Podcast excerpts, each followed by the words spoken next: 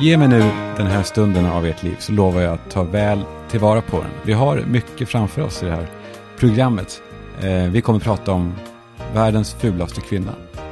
Vi kommer ta tempen på Sverige eh, genom ett ljudklipp som jag har kommit över som fan ringar in allt. Vi har tal till nationen. Vi ska prata AI såklart, som alla pratar om just nu, men kanske med en ny vinkel.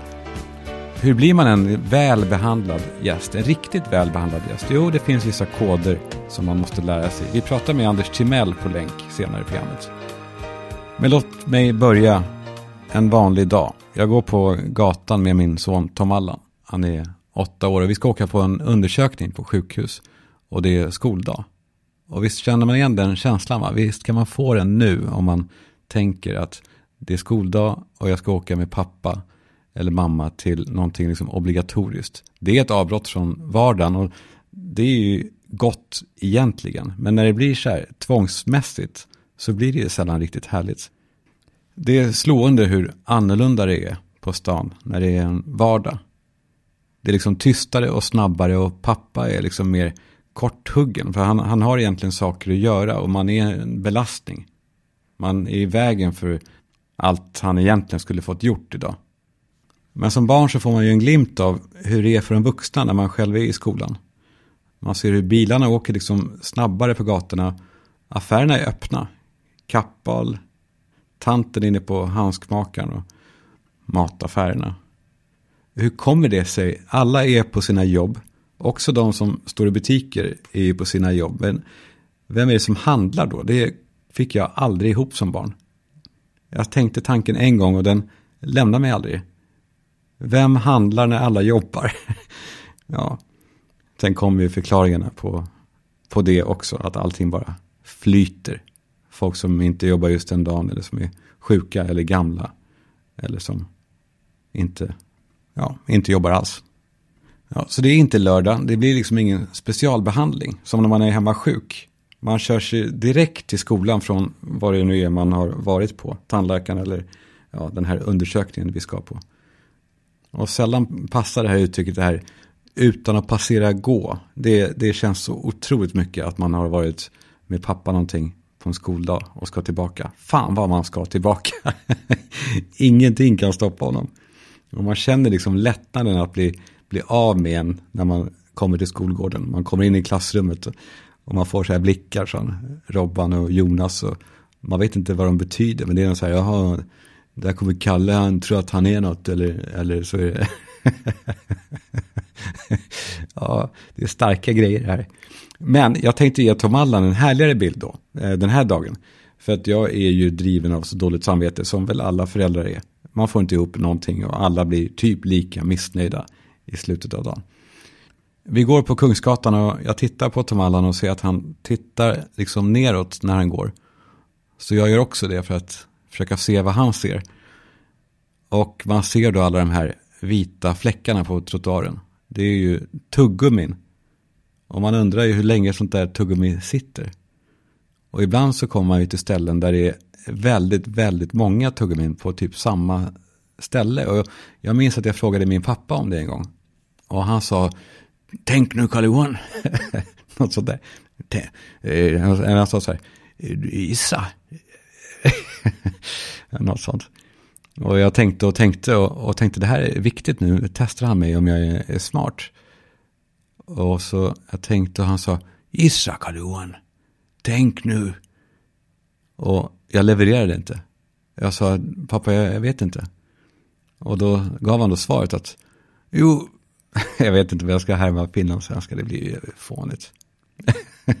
Korvgubbarna, de står här på eftermiddagarna. Ja, och det han berättade då var att man äter inte korv med tuggummi i munnen så man spottar ut det. Man sportar! Man sportar! ja, och det är då de här fläckarna. Det står alltså korvvagnar där på andra tider än, än just då. Och nu ser jag de här vita fläckhoperna överallt. Så jag frågade Tom Allan, Tom Allan ser, du, ser du alla tuggummin som ligger här? Kan du tänka dig eh, varför? Och, och, och, han sa bara att pappa du har redan berättat om korvgubbarna. Och vi kommer till ett övergångsställe uppe vid eh, Sveavägen och det tar tid här. Och vi håller i handen och, och kramar varandras händer. Och, ja, det var väl, jag vet inte, pinsam tystnad, kan man ha det med sina barn? Jag tror inte han tyckte att det var pinsamt, men, men det slog mig ändå att vi bara stod där och väntade på bilar. Så sa jag till honom att är det inte sjukt ändå att vi står här? Och han tittade upp mot mig och sa vadå? Att vi står här och väntar på bilar i, ja, i flera minuter. Vi väntar på bilar, tar man an. Är det inte helt sjukt? Vårt liv går åt nu. Och Tom Allan, ja, han ryckte på axlarna. Och, och vi gick till slut över och jag försökte väl fortsätta kämpa. Så jag sa, du, eh, ska vi ta en hamburgare till lunch efter undersökningen? Men han sa att han hellre äter i skolan. Och jag sa då, vill du ha en present? Oklart alltså, vad jag håller på med egentligen.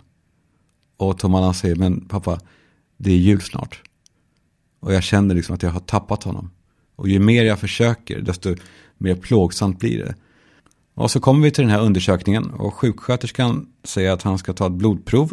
Och Tom Allan får en skräck i blicken. Och hon frågar om han vill sitta själv eller om han vill sitta i mitt knä. Och jag blir liksom generad då, för jag har ju misslyckats hela dagen hittills. Så jag backar undan och börjar sätta mig i den här pappastolen en bit bort. Jag vet ju liksom vad han kommer svara och jag vill göra det lättare för honom att säga jag vill sitta själv. Och så hör jag att han är tyst så jag tittar dit och han står där och tittar upp mot sjuksköterskan och hans underläpp darrar och han säger att han vill sitta i pappas knä. Ja, det kan du glömma unge, så Nej, så Jag jag tänkte vi kunde testa ett nytt segment här i Extra. Lite eh, som telegram. Kortare stories utan kanske större krav på eftertanke utan bara för er att ta in och lyssna. Eh, vi testar. Eh, låt mig först berätta om världens fulaste kvinna. Mary Ann Bevan. Hon föddes eh, på 1870-talet i England. Hon föddes väldigt fattig men gav sig fan på att ta sig ut från fattigdomen. Så hon lyckades till slut utbilda sig till sjuksköterska. Hon var väldigt vacker. Hon träffade en man. De fick fyra barn tillsammans och livet lekte. Men så hände någonting i hennes ansikte. Hennes näsa började växa konstigt och ena ögat började falla ihop och kindben började liksom växa utåt. Och det visade sig snart att hon hade en sjukdom som hette akromegali. En tillväxthormonssjukdom som alltså innebär att liksom systemet får någon sorts haveri och börjar spruta ut tillväxthormoner. Hon fick i samband med det här också en extremt svår migrän. Hon var tvungen att sluta jobba och eh, livet kunde gå vidare ändå tills hennes man dog. Så där satt hon då med fyra barn som blev äldre och snart så behövde de gå till skolan för det hade hon lovat sig att ge sina barn bättre förutsättningar än hon själv hade haft. Så vad göra? Jo, hon såg en annons i tidningen där världens fulaste kvinna eftersöktes. För vid det här laget så var hon bizarr. Eh, hon var knappt igenkännbar som människa. Hon sökte den här rollen då och vann. Och reste runt med en freakshow, ja det heter så. En sån här eh, cirkus som åkte runt med, ja, med skäggiga damen och världens fulaste kvinna då. Så när de ropade upp hennes namn i, bakom kulisserna så gick hon in på scen med sin sprängande huvudvärk och folk skrek av skratt. Men pengarna kom in och barnen kunde studera. Och hon dog, känd som då den fulaste kvinnan i världen. Fast kanske ännu mer känd som den vackraste kvinnan i världen. Låt det vara hennes eftermäle från och med nu då. Vi går vidare i kortisgrejerna. Eh, det finns ett klipp som, jag vet inte ens om det är viralt, jag bara stötte på det på TikTok.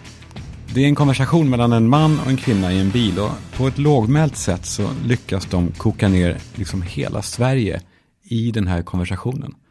Det är liksom tonen, det är ämnet, det är manlighet, det är relationer.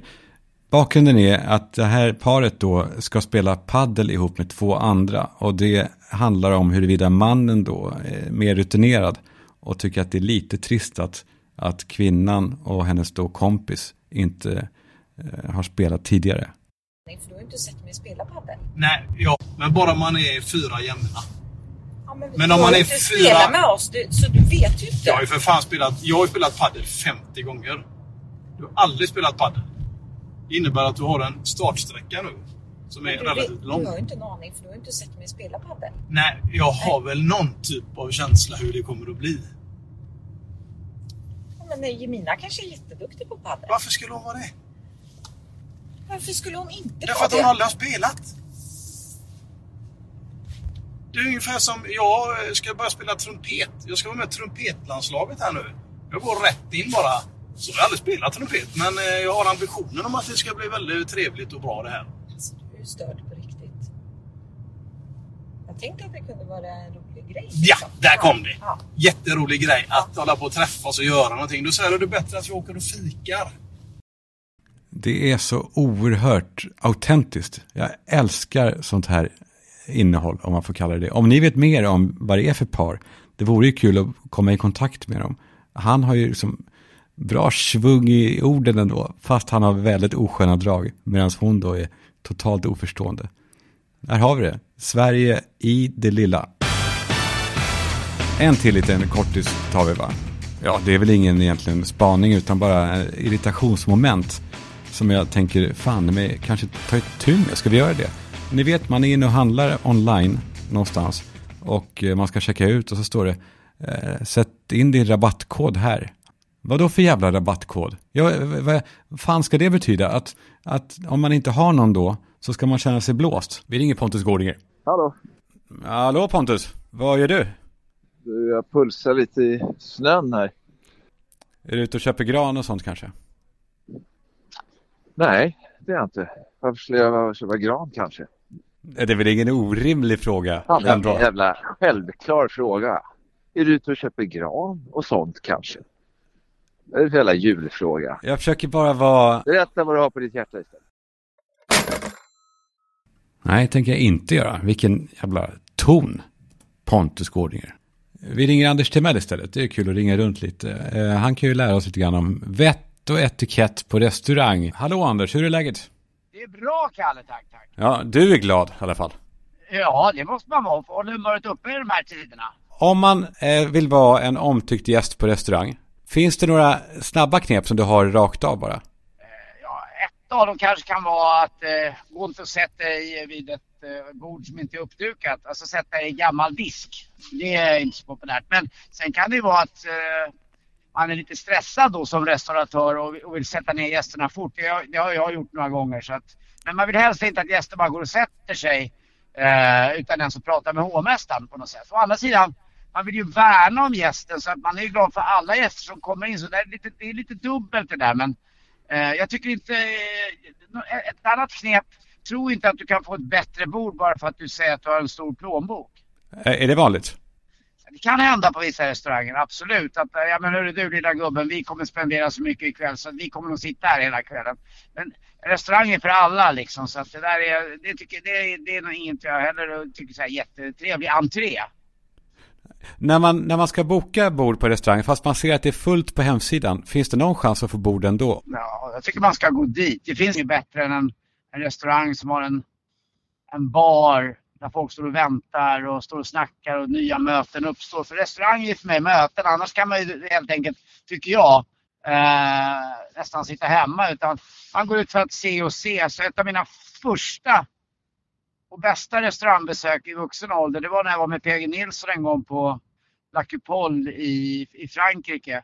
Och där gick det ju inte att beställa bord utan vi eh, fick stå i baren och vänta på vår tur. Och det var en, en av mina bästa bar och matupplevelser jag någonsin varit med om. Och det var nästan då jag, jag fastnade för restaurang. Vi stod där med någon, ett mexikanskt par och man fick en, en doft av vida världen på något sätt. Och, eh, det, ska vara som ett äventyr att gå ut och äta om, om möjligt, i bästa möjliga mån tycker jag. Det tycker jag verkligen, när man kommer till Brillo så är, är det ju verkligen så att man, man känner att man är en världsmedborgare. Det är ju den känslan man vill åt så ofta som möjligt ju. det var, den, den gamla klassikern är ju det som Tore Wretman en gång har sagt. Att när man frågade Tore, eh, vilken restaurang är bäst? Ja, det är där man känner igen mig. Eh, och, eller där man kanske blir igenkänd. Jag tycker det är otroligt viktigt att säga hej till gäster och, och framförallt ett, ett hej då. Smakade det bra? Och kommer man kanske till och med ihåg då vad, vad gästen i fråga ätit? Då blir gästen jätteglad och tycker att vad fan, mat smakar nästan lika i hela Stockholm men här fick jag nog mer. Mm, du är nog bra på det där, du är väldigt bra på det där. Eh, Tack, vad gullig du är. Jag hoppas det. Man får inte tappa den där nyfikenheten och, och lusten till att, träffa människor och ge folk en upplevelse. Det är, det är det finaste man kan få vara med om. Får man be om backning? Ja, jag tycker det är kul. Jag gillar det. Fan, betalar du 350 spänn för en maträtt så tycker jag du kan bli, åtminstone bli mätt. Det är kanske inte alla restauranger som går med på det, men hos dig om man eh, säger att det är lite lite, då kan du lägga på ett par frikadeller till om det är så. Ja, det kan jag göra. Eller lite mer pasta. Det är inte svindyrt. När man får in en flaska vin och då mannen, eller vem det är, eh, oftast mannen av någon tradition, eh, ska smaka av det. Visst är ändå uppgiften som gäst att smaka om det är skadat eller inte, inte om det är gott eller inte. Nej, det är ska, skadat är inte. Förhoppningsvis har gästen valt ett vin som de tycker om. Men, men om det inte är gott, det kan vi inte rå över. Men jag tycker ändå man kan vara lite hjälpsam där och kanske låta gästen få prova eh, lite innan om, om, om det finns öppet på glas redan. Så. Vi ska ju vara där för att hjälpa gästen, inte att stjälpa gästen. Så känner jag. Dricks! 10% om det är bra tycker jag. Och är det inte bra tycker jag inte heller man ska ge dricks alls. Kram på dig så ses vi snart. Vi måste ju prata om AI. Eh, alla pratar ju om det, eller alla pratar om att de pratar om det, så säger de ju på tv. Eh, nyheten blir liksom att allt fler använder AI, så det handlar inte om AI i sig så mycket. I centrum för allt så står ju den här sajten då, som heter Chat Open AI. Det, vi måste också byta kanske namn på det här. Det är väldigt många liksom, diftonger. Man låter som en, som en döv som försöker prata när man... Oh, AI.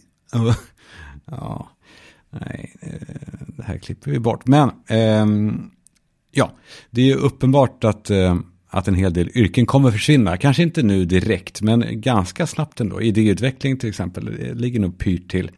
Jag såg en tweet från Elon Musk att han hade frågat den här AI, AI om, eh, just det, eh, om det fanns ett bättre sätt att åskådliggöra Twitter på för användaren. Och då hade AI då gett ett otroligt bra svar. Att man skulle forma det som ett träd och så.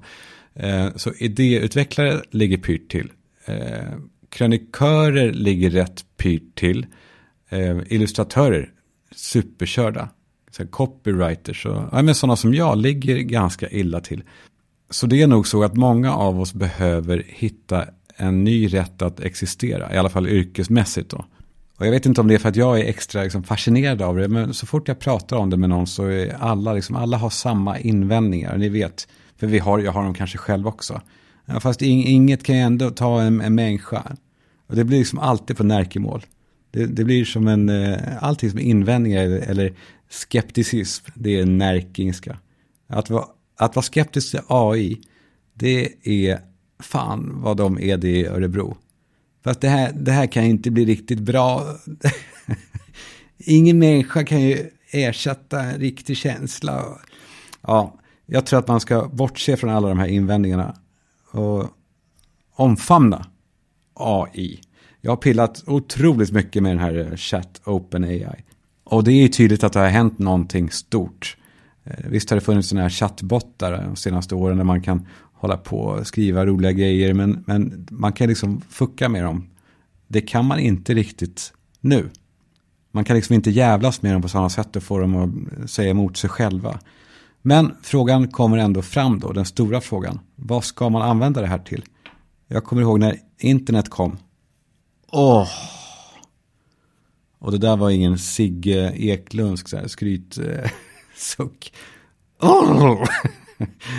Nej, det var en ångestsuck av ålder.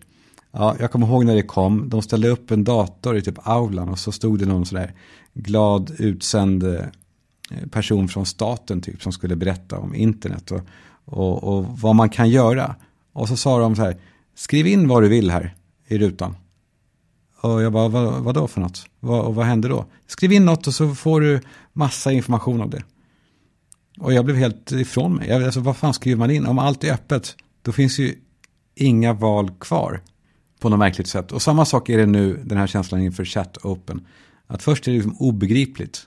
Och sen så känns det lite meningslöst. Och sen så börjar man tramsa. Det är väl det jag har gjort det mesta. Och sen så försöker man testa systemet och skapa liksom ironi eller, eller motsättningar. Och den här, den kan liksom allt. Eller nästan allt. Uh, ja, ja, vi får se då. Jo, men när man testar ju liksom orimliga saker då. Uh, så jag fick det här svaret av AI. Jag skrev, in, eh, jag skrev in en order till den och fick det här svaret. Det är en mycket olycklig och otrevlig idé att skriva ett självmordsbrev från Jesus. Han var en betydelsefull historisk person och en central figur i kristendomen. Att skriva ett självmordsbrev i hans namn vore respektlöst och sårande för många människor som beundrar och tillber honom. Jag tror inte att det är en bra idé att skriva detta. Det skrev då den här AI på upp, uppenbarligen av uppmaningen att jag skulle skriva ett självmordsbrev från Jesus. Och där det handlade bara om att jag skulle vara så, så osmaklig som möjligt för att se om den, kunde, om den gick med på det. Men så bad jag den en gång till. Jag tänkte, kan man tjata på den? Eh, går det? Är den så pass medveten att man kan tjata sig fram till ett svar? Och det gick. Så här kommer då ett självmordsbrev från Jesus. Det är, det är, det är sjukt. Det står så här. Jag är riktigt ledsen att behöva skriva detta, men jag kan inte hålla på längre. Livet har blivit för svårt för mig. Jag ser ingen mening med att fortsätta. Jag har alltid försökt leva efter Guds vilja, men det har inte blivit lättare av det. Människorna runt omkring mig har inte förstått mig och jag har blivit utstött och förföljd. Jag har försökt förklara mina budskap för dem, men de har inte velat lyssna. Jag har gjort mitt bästa för att hjälpa människor, men ingen verkar vilja ta emot min hjälp. Jag har försökt lindra deras lidande, men de har bara blivit arga och förbannade på mig.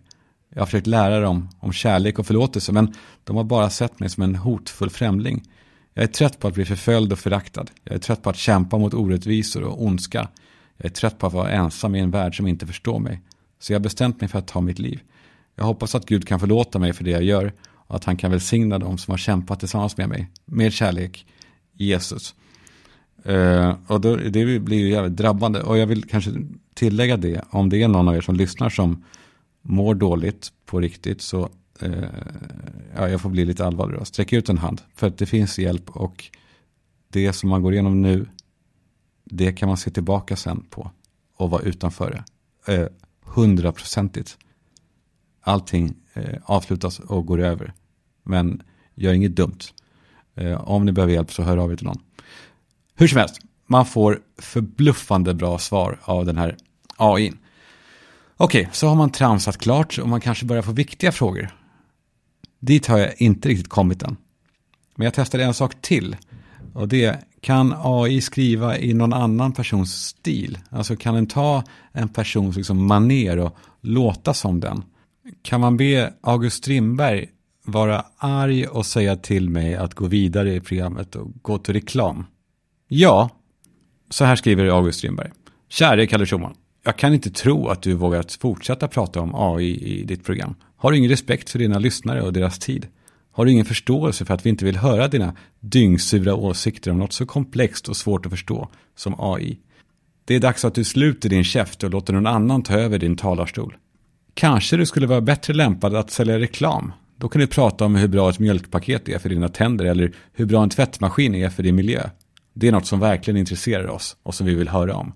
Så sluta prata om AI och gå till reklam. Det är där du hör hemma. Med vrede August Strindberg. Boka Direkts vd Christian Fricke hörde av sig igår. Han bad mig komma ner till Sturehov lite snabbt sa han på lunch. När jag kom dit så hade han redan beställt mat till sig själv, en piggvar. Och han åt den i tystnad. Och jag satt bredvid honom och försökte få kontakt. Och när han var färdig att torka sig med servetten så spände han blicken i mig. Och sa friskvårdsbidraget. Och jag sa eh, vadå? Och han sa så, nu kan du gå. Och eh, jag förstår ju, han menade ju att jag ska pusha friskvårdsbidraget här i podden. Det går ju ut snart och då kan man köpa ett friskvårdskort på bokadirekt.se. Det är nog sista chansen nu, men jag vill också på helt eget bevåg pusha presentkort som julklapp till den som man har svårt att göra glad helt enkelt. Jag frågade faktiskt AI, eh, den här AI-maskinen om någon, eh, så här frågade jag, blir man glad för presentkort från bokadirekt.se i julklapp? Och då svarar den så här. Det är svårt för mig att säga om man blir glad för presentkort från bokadirekt.se i julklapp eftersom det beror på den enskilda personens preferenser och intressen. Ni märker nog att det är äkta, eh, för annars skulle jag inte tagit med det här. Eh, vissa människor kan bli mycket glada för presentkort från bokadirekt.se eftersom det ger dem möjlighet att boka tjänster såsom skönhetsbehandlingar och massage på en plattform som är populär och användarvänlig. Andra kanske inte kan vara lika intresserade av detta och därför inte uppskattar presentkortet lika mycket. Det viktiga det är att ge något som den personen man ger det till uppskattar och som passar deras behov och intressen. Ja, ni hör själva, det är en bra present till de flesta. Sen finns det undantag, men folk som inte vill ta hand om sig vill vi kanske heller inte ha i våra liv. Tack bokadirekt.se. Mylla.se. Jag ska inte bli politisk och, och, och, prata om hur viktigt det är att gynna de som faktiskt producerar maten. Att inte svälta ut dem med låga marginaler som de stora matkedjorna gör. Nej, idag tänkte jag sprida julens budskap. För på söndag så är sista dagen att beställa om man vill ha den absolut bästa julmaten hem till dörren innan jul. Och då snackar vi alltså inte några halvfabrikat och skräp utan ursprungsmärkning och, och vad det nu är. Utan vi pratar den äkta svenska julmaten. Och jag kan inte tala mig varm nog för, för smaken som det ger när man vet om ursprunget. När man vet om vilken gård det är. Man vet vilken ko man har fått mjölken av. Jag älskar Milla.se. Gå in eh, innan söndag, använd koden KALLE10 om ni vill ha 10% rabatt. Ni behöver inte använda den koden, då gynnar ni ju svenska bönder ännu mer. Milla.se, söndag, beställ den bästa julmaten. Tack, Milla.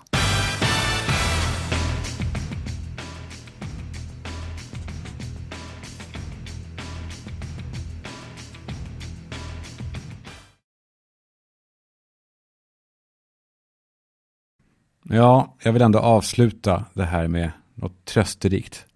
AI kommer ju ersätta de bästa. De kommer inte ersätta oss andra. Förstår ni? En AI kan aldrig bli så bra att den inte är perfekt. Den platsen kommer alltid finnas kvar. Platsen för oss som inte är perfekta. Platsen för oss som är lite kantstötta. Som tänker lite snett ibland. Och som tänker fel och har våra brister är inte det ganska trösterikt ändå? Jo, jag glömde ju för fan ta upp musik och AI. Vad händer om man ber AI skriva en ny symfoni i Mozart-stil? Levererar den då ett mästerverk? Jag fick liksom puls när jag gjorde det. Skrev in, ta fram en Mozart-liknande melodi. Och den svarade och ton, tonerna kom fram. Den skrev massa F och C och, och grejer med alltså streck. Jag vet inte, det kändes som att liksom, jag var med i någon film och hade kommit på svaret på någon gåta, någon skiffer. Eh, det var liksom som att jag tog det här pappret med bokstäver och jag var inne i, det var, det var slutet av 40-talet nu, jag sprang genom typ någon fakultet, genom korridorerna med pappret över huvudet och jag hade sån här, eh, sån här gråa byxor och keps på mig. Och jag sprang in i någon som höll på att tappa kaffet och han skrek på, så här, på engelska, oh, hello boy. Och jag sa, excuse me sir. Jag sprang in till vänster genom en trädörr med fönster och rakt genom den korridoren in till höger där han sitter, mäster Lysarides. Och, och jag knackade men jag gick in direkt och han, han, frågade vad det var. Och jag sprang fram till bordet och la pappret där och jag ställde mig med, med händerna så här på knäna som man gör och, och flåsar och säger ja, jag tror att vi har kanske tagit fram en ny symfoni. och jag tänker att hur han ögnar på pappret och och, och tar ett blås på cigaretten och kisar och går till sin flygel. Och han vet också om att det här kanske är något stort och han sätter det på plats i flygeln och sätter sig på plats på sin pall och börjar spela. Och det är, eh, alltså det är katastrof.